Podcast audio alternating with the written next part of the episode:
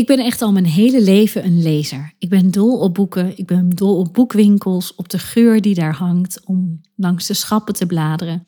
Ik ben zo iemand die de slechte, dat is een tweedehands winkel die al jaren geleden failliet is gegaan, die de slechte nog steeds mist, omdat ik daar me uren kon vermaken. Ik lees dus heel graag en dan fictie, non-fictie, leerzame boeken, romans, het maakt me niet uit. Ik ben er echt dol op. Maar ik lees geen boek om enkel en alleen te weten hoe het eindigt. Ik koop een boek om me te verwonderen, om me te laten inspireren en me te laten meevoeren door het verhaal. Ik wil me als het ware verbonden voelen met het verhaal, met het hele verhaal, dus van het begin tot aan het einde. En natuurlijk, het is heel fijn dat er op een gegeven moment een laatste hoofdstuk is van een boek, maar het draait me tijdens het lezen niet om het einde. Het draait voor mij echt om het verhaal zelf. En het slot is heel fijn, het is een hele fijne bijkomstigheid, hele prettige, maar het is wel echt een bijkomstigheid. En wat ik hiermee wil zeggen, dat we met z'n allen echt moeten kappen met het delen van enkel het slotakkoord, de conclusie, de eindbestemming. Oftewel, stop met focussen op het resultaat.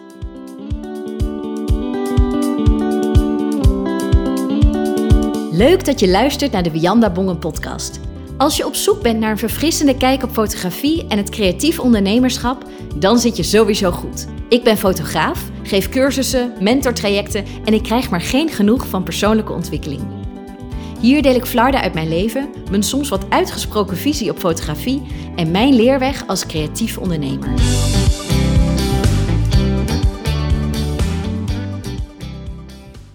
Als jij een goede serie kijkt, Doe je dat dan alleen om uiteindelijk het einde te zien? Of geniet je van de hele beleving? Van het verhaal, maar ook van gezellig samen op de bank, wat lekkers op tafel, een drankje erbij. En als jij een vakantie boekt, doet dan de voorpret en de herinneringen na afloop er niet toe? Gaat het enkel en alleen om die week in de zon? En that's it? En denk je dat een kok in een restaurant alleen kookt om het uiteindelijke eindresultaat? Of denk je dat hij net zoveel voldoening haalt uit het selecteren van zijn gerechten? En het zorgvuldig uitzoeken van de juiste ingrediënten en het vervolgens samenstellen van de producten tot een echt goed en smaakvol resultaat.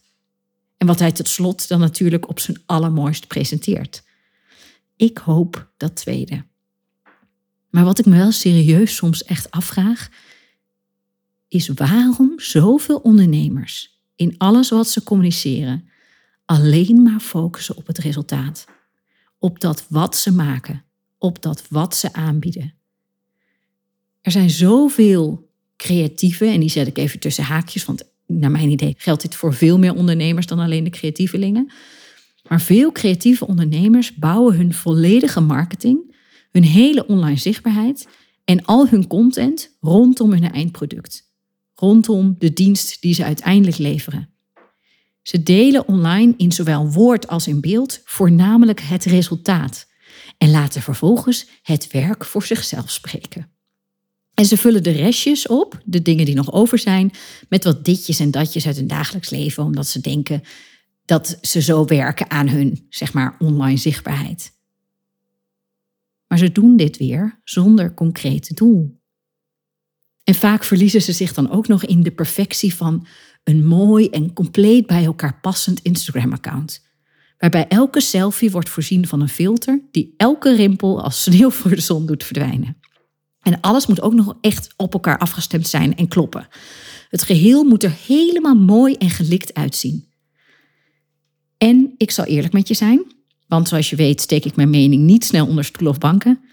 Ik vind het echt bloedsaai zulke ondernemers te volgen. Het voelt bijna alsof ik naar een geplamuurd gezicht zit te kijken. Alle echtheid is weg. Geen oneffenheidje meer te bekennen. Alles is opgepoetst, opgeleukt, opgefluft. Ik mis de verbinding, de diepgang, de rauwe eerlijkheid en de relevantie van hun werk. En ik voel en ik zie aan alles dat ze een bepaald ideaalbeeld willen hooghouden. En dat maakt ze in mijn ogen gewoon rete saai en dertien in een dozijn.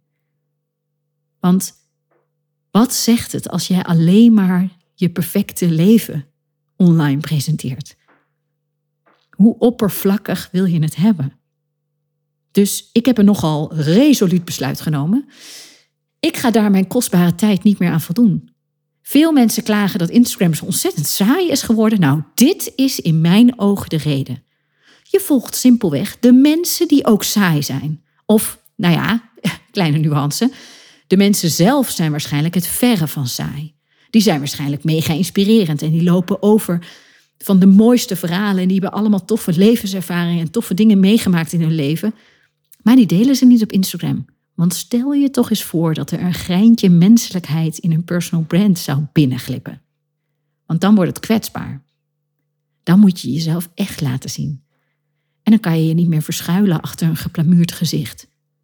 Dan moet je ineens laten zien dat je ook maar een mens bent. Met kutmomenten. Met baaldagen. Met struggles die eigenlijk niemand vreemd zijn. Dan moet je letterlijk van je voetstuk stappen. En bovendien, nog een kleine side note, als jij die geplamuurde versie van jezelf als een marketingtool inzet, dan blijf je oppervlakkig. Dan zal je nooit, echt nooit op gaan vallen of uit gaan stijgen boven de rest.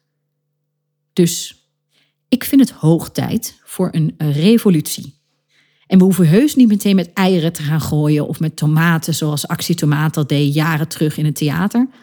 Maar het is in mijn ogen wel echt hoog tijd voor verandering. Laten we tegen die heersende stroom ingaan. Ja, en ik snap dat is heel makkelijk gezegd, want hoe gaan we dat dan doen? Eigenlijk is het denk ik heel simpel. Begin eens met open te zijn over gewoon je werkproces. Je hele werkproces. Dus over waarom jij doet wat je doet over waar jij tegenaan loopt. En hoe je dat dan oplost vervolgens. Maar ook over je ideeën ergens achter. Als jij dit doet, zo authentiek en oprecht mogelijk, dan neem je andere mensen namelijk automatisch mee in jouw hoofd. Maar ook in jouw denkwijze, in jouw hele leven. Je geeft mensen de kans jou echt te leren kennen en zo kunnen ze zich dus met je identificeren. Met jouw manier van denken, met jouw manier van doen. Je kan ze inspireren op een diep emotioneel niveau. Op een niveau waar de ratio nooit kan komen. En dat, dat emotionele niveau, dat zorgt ervoor dat je mensen kan beroeren en dus in beweging zet. Dus begin met delen. Begin met het open zijn over wat je doet en waarom. En denk niet dat dit makkelijk is. Het is mega kwetsbaar en heel erg spannend om jezelf echt te laten zien. En het is best wel ongewoon in de online wereld. Dus je zult sowieso, dat durf ik echt te garanderen, weerstand ervaren. En niet altijd van de mensen van wie je denkt dat je weerstand krijgt. Het zijn vaak de mensen die juist heel dicht bij je staan, die het hardst tegen je gaan aanschoppen. En ja, dat heb ik zelf ook ervaren. En geloof me, dat is lastig. Echt heel lastig. Want de opmerkingen die bekenden over je of van je kunnen maken in een gesprek, of vrienden die aangeven dat, je, dat ze je niet meer willen volgen omdat ze een mening hebben over jouw openheid, vrienden die dubbelzinnige vragen stellen waarvan afdruipt wat hun mening is over jouw manier van ondernemen en jezelf positioneren, die opmerkingen zijn niet te negeren. En ze kwetsen. Zo simpel is het gewoon. Ze kwetsen je, ze raken je tot op het bot. Want wat er gebeurt als jij jezelf openstelt en dus die plamuurlaag weghaalt, dan haal je ook een stukje beschermlaag weg. En daardoor komt alles keihard binnen. Want het komt rechtstreeks op je ziel terecht. Alsof je je niet invet voor de zon en de zon letterlijk op je huid brandt. Daardoor kan ik bijvoorbeeld sommige reacties van jaren terug nog steeds bijna woordelijk herhalen. Ik vergeet ze niet. Ze hebben een blijvend scheurtje gemaakt.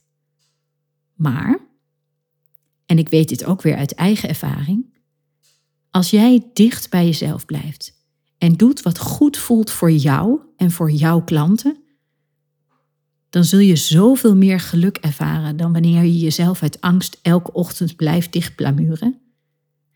En daarnaast moet je je denk ik gewoon altijd afvragen, doe je dit voor hen? Zijn zij je ideale klant? Is jouw online zichtbaarheid, is jouw content, wat je allemaal creëert, voor hen bedoeld? Of hoop je anderen te bereiken? Een klein voorbeeld. Ik had tijdens Ontravond, mijn tweedaagse training die ik in november heb gegeven, daar was een van de deelnemers en die gaf aan dat ze enorme moeite had met haar online zichtbaarheid. En sowieso een hele grote haat-liefdesverhouding met Instagram. En ze zei op een gegeven moment: Ik vind het zo doodongemakkelijk om mezelf online te laten zien. Want ik weet, mijn broer zit ook te kijken. Dus ik vroeg haar: Maar run jij jouw Instagram-account voor je broer? Is hij jouw ideale klant? En dat bleek, nou ja, uiteraard niet zo te zijn. Toch kan dat al, zo'n klein gegeven, zorgen voor een hele grote drempel om jezelf echt te laten zien online. Want jij weet dat zij wellicht kijken en er een mening over hebben. Mijn tip is in zo'n geval eigenlijk heel simpel. Misschien moet je ze gewoon even blokkeren, zodat je zeker weet dat ze niet zien wat jij aan het doen bent. Wat dat je oplevert is dat het zorgt voor ruimte. Je krijgt dan als het ware de ruimte om gewoon uit te zoeken hoe jouw stem eigenlijk klinkt, wat je te vertellen hebt. Zonder dat je het gevoel hebt dat het perfect moet zijn of zonder dat je het gevoel hebt dat je op voorhand al wordt bekritiseerd.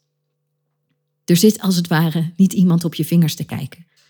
En iemand kan daar geen rotopmerking meer over maken, want hij ziet simpelweg niet wat jij hebt gemaakt.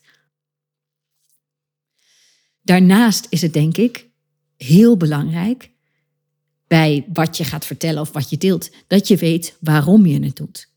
Want als jij een heel concreet doel hebt waar jij naartoe aan het werken bent, of wat jij wil bereiken, of waar je je op kan focussen, dan voel je veel minder afleiding of weerstand. Neem bijvoorbeeld sporten. Kijk, iedereen weet, sporten is gezond. En het is heel goed voor je lijf, het is heel goed voor je hoofd. Maar als jij geen concreet doel hebt om te gaan sporten, behalve de algemene wetenschap dat het gewoon goed voor je is en dat het heel uh, goed is voor je hoofd en dat het je lekker leeg maakt, dan kan het alsnog heel moeilijk zijn om jezelf elke week naar een sportschool te slepen. En wellicht vind je sportschool ook überhaupt niet leuk, maar doe je het enkel en alleen omdat het goed voor je is. Ga dan maar eens een jaar volhouden. Dat red je niet. Als jij daarentegen zorgt dat je een concreet doel hebt en je kiest bovendien ook nog een sport uit die je echt leuk vindt, wellicht iets heel unieks zoals kunstschaatsen, klimmen, survival, noem het maar op, dan ga je met plezier. En dan weet je ook nog waarvoor je het doet. En doen eventuele opmerkingen je vervolgens weinig. Want jij weet, dit maakt mij gewoon heel gelukkig. Wat ik hiermee wil zeggen is, als jij heel concreet voor jezelf weet waarom jij niet meer enkel die laatste pagina van zo'n boek wil lezen, als jij weet waarom je het hele boek leest, van begin tot einde, met andere woorden, als jij weet waarom je niet meer alleen maar wil focussen op het eindresultaat, maar op het hele proces, en je daar vervolgens ook nog een concreet plan aan weet te koppelen, dan raak je niet snel afgeleid door je omgeving. Je zet als het ware oogkleppen op, zoals ze wel eens doen bij een paard, zodat je focus hebt en zodat je al die opmerkingen die van de zijkant komen niet meer ziet, of in elk geval ze kan afketsen en zie je niet veel doen. Ze brengen je niet meer van de wijs. En daarnaast denk ik dat als jij weet hoe je jouw werkproces op een hele inspirerende manier kan delen, dan gaan mensen zich automatisch onvoorwaardelijk aan je verbinden. En dat is goud waard, geloof mij. Bovendien leer je door gewoon maar te gaan doen, door jezelf steeds beter te verwoorden, vat krijgen op jouw waarom. Steeds concreter. En dat is natuurlijk een win-win situatie. Dus het is tijd om aan de slag te gaan. Wat kan jij op dit moment al binnen je werkproces delen? Welke achtergrond heb je bijvoorbeeld? En over welke kennis beschik jij waar nog niet veel mensen weet van hebben, maar wat wel heel zinvol kan zijn binnen jouw bedrijf of een extra toevoeging geeft aan dat wat je doet. Ik heb bijvoorbeeld een acteerachtergrond, maar ik heb ook anderhalf jaar docent theater gestudeerd. Ik kreeg daar bijvoorbeeld communicatietrainingen. Ik heb daar communicatielessen gevolgd, maar ook filosofie en psychologie. Dat zijn allemaal lessen die ik vandaag de dag nog steeds kan toepassen binnen mijn werk als fotograaf, maar zeker ook als coach. Dat zijn levenservaringen of kennis die ik beschik. En als ik jou daar niet over vertel, als ik daar niet over deel, heb je geen idee. Dan denk je, ja, dat is een fotograaf die in één keer ook mentor-coach is geworden. Wat een onzin. Wie denkt zij wel niet dat ze is? Sowieso is daar nog niks mis mee. Als ik denk dat ik mensen kan helpen en als mensen denken, bij Vianda moet ik zijn, maakt me niet uit wat voor achtergrond ze heeft, dan is het alsnog goed. Maar het is altijd fijn om alles wat je hebt aan bagage uit te dragen en te delen. Want naast dat ik dus heel veel ervaring heb als actrice in het theater en in het vertellen van verhalen, heb ik ook die ervaring binnen het lesgeven, binnen het regisseren en ook binnen het maken en concepten ontwikkelen. En dat zijn allemaal tools die ik vandaag de dag heel goed kan inzetten binnen mijn bedrijf als storytellend ondernemer.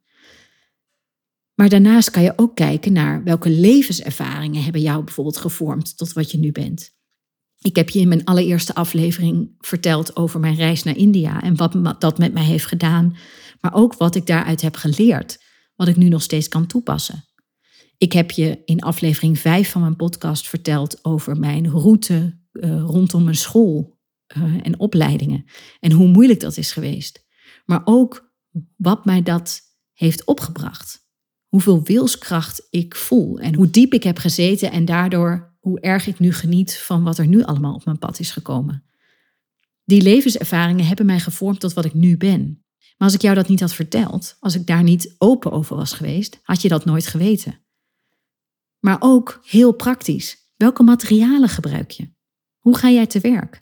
Ik fotografeer bijvoorbeeld veel met een 50 mm. En een jaren geleden was mijn 35 mm echt favoriet. Waarom heb ik die switch gemaakt? Wat maakt dat die 50 mij nu zo, ja, dat die zo geliefd is, dat ik er zo dol op ben? En waar let ik op bij het fotograferen? Ik fotografeer bijna nooit, of eigenlijk helemaal nooit met zoomlenzen. Ik vind bijvoorbeeld een 70 tot 200 echt geen mooie lens. En ik zie het meteen als andere fotografen daarmee fotograferen. Maar ik vind het niet passen bij mijn manier van werken. Waarom niet? Als ik daar niet over deel, als ik daar niet over vertel, weet niemand hoe ik kijk en hoe ik werk. Het zijn allemaal tools, allemaal dingen, heel praktisch, waarom ik gebruik wat ik gebruik en ook waarom, hoe ik kijk naar mijn reportages. Nou, los daarvan, als je fotograaf bent, is het heel interessant om je volgers, je klanten, te laten zien hoe jij naar de wereld kijkt. Waar jij op let, waar jij de focus op hebt. Voor mij zijn dat heel erg de tussendoormomentjes. Nou, dus mijn hele brand is daar rondom gebouwd. Maar ook de alledaagse dingen een podium geven. Daar sta ik heel erg voor. Voor mij hoeft het niet een en al glamour en glitter te zijn. Ik kan in hele alledaagse dingen heel veel schoonheid ontdekken. En dat ook nog op een hele esthetische manier vastleggen. Daar zit voor mij een hele grote kracht. En daar deel ik heel veel over. Maar je hebt ook fotografen die bijvoorbeeld heel veel delen over hoe ze licht gebruiken en daar hun brand helemaal omheen bouwen. Kortom, ga vertellen, ga delen hoe je te werk gaat. En wees daarin niet bang dat andere mensen je zullen kopiëren of dat ze je gaan naapen. Jij bent one of a kind. Jij bent uniek. En hoe je het ook doet, iedereen kijkt anders. Ik heb wel eens met 50 mensen naar een en hetzelfde model of koppel staan kijken tijdens een workshop, die we allemaal tegelijk fotografeerden. Iedereen kwam met andere beelden thuis, want iedereen kijkt anders. Dus wat je doet, het fotograferen of het ding, dat is niet, zeg maar, niet interessant. Dat klinkt een beetje lullig. Maar kijk, elke fotograaf die ik vraag, waarom doe je wat je doet, geeft als eerste antwoord, omdat ik herinneringen wil vastleggen. Ja, dat is wat we doen als fotografen. Dat is onze wat. Dat is niet waarom jij het doet. En ik denk dat als je dat gaat leren delen, dus waarom wil je die herinneringen vastleggen? Wat zit daaronder of daarachter? Dat het dan pas interessant wordt. En als je daarover leert delen, dan ga je mensen echt op een dieper niveau raken en bereiken. Maar ook, wat is jouw superpower? Durf daar open over te zijn. Ik deelde in mijn vorige aflevering welke superpower ik ontdekte tijdens Ontrafeld als coach. En ik kreeg vervolgens, toen ik die podcast online had gezet, heel veel berichtjes van oud één op één klanten van mij, die allemaal stuk voor stuk zeiden: Ja, dat is exact wat jou zo uniek maakt. Ik kan namelijk ijzersterk vragen stellen. En op daardoor op een dieper niveau bij iemand binnendringen, als het ware. En mensen laten nadenken over dingen waar ze nog nooit over hadden nagedacht. Of dingen laten zeggen waar ze nog nooit eerder woorden aan hebben kunnen geven. En ik denk dat dat als mentorcoach een hele grote superpower is, die ik veel meer mag gaan inzetten. Dus ga eens bij jezelf naar wat is jouw superpower? En als je het niet meteen weet, er zijn altijd klanten die dat wel voor je weten of die dat wel eens gezegd hebben. Schrijf het gewoon eens op. En zo kan ik nog heel lang doorgaan. Er zijn zo onwijs veel dingen waar jij mee kan beginnen. Beginnen met het delen van dat soort, alle dingen die ik hiervoor genoemd heb en antwoorden op die vragen. Dat maakt jouw brand meteen zoveel gelaagder en geeft je ja, positionering zoveel meer diepgang. Ik denk dat je altijd moet zorgen dat je volgers op een dieper niveau de persoon achter jouw merk leren kennen. Niet alleen met die ditjes en datjes. Niet alleen met je bordje havermout en je rondje hardlopen. Maar de echte, authentieke jij, zonder plamuur. Zodat jij jouw volgers echt de kans kan geven zich onvoorwaardelijk aan jou te binden. Want dat is wat je wil bereiken. En dat is, in mijn ogen, wat een sterk personal brand doet. Een sterk personal brand creëert een loyaliteit. Een loyaliteit die veel verder gaat dan welke prijs je dan ook vraagt. Dan hoe jouw werk er dan ook uitziet. Dan hoe jij jezelf ook ontwikkelt. Die mensen blijven je trouw. Tot slot, mijn grootste tip vanuit deze hele rant over het delen van niet enkel je uh, eindresultaat is: beschouw jouw werk als een doorlopend proces. Maak het delen tot een vast onderdeel van je routine. Want, en ik kan het echt niet vaak genoeg zeggen, je kunt je eigen stem niet vinden als je hem niet gebruikt. Dus aan de slag. Ik kijk er nu al naar uit. Meer diepgang op de gram. Dit was hem voor nu. Dit was de negende aflevering alweer. Heel erg bedankt voor je tijd en voor je aandacht. En ik hoop natuurlijk weer tot de volgende.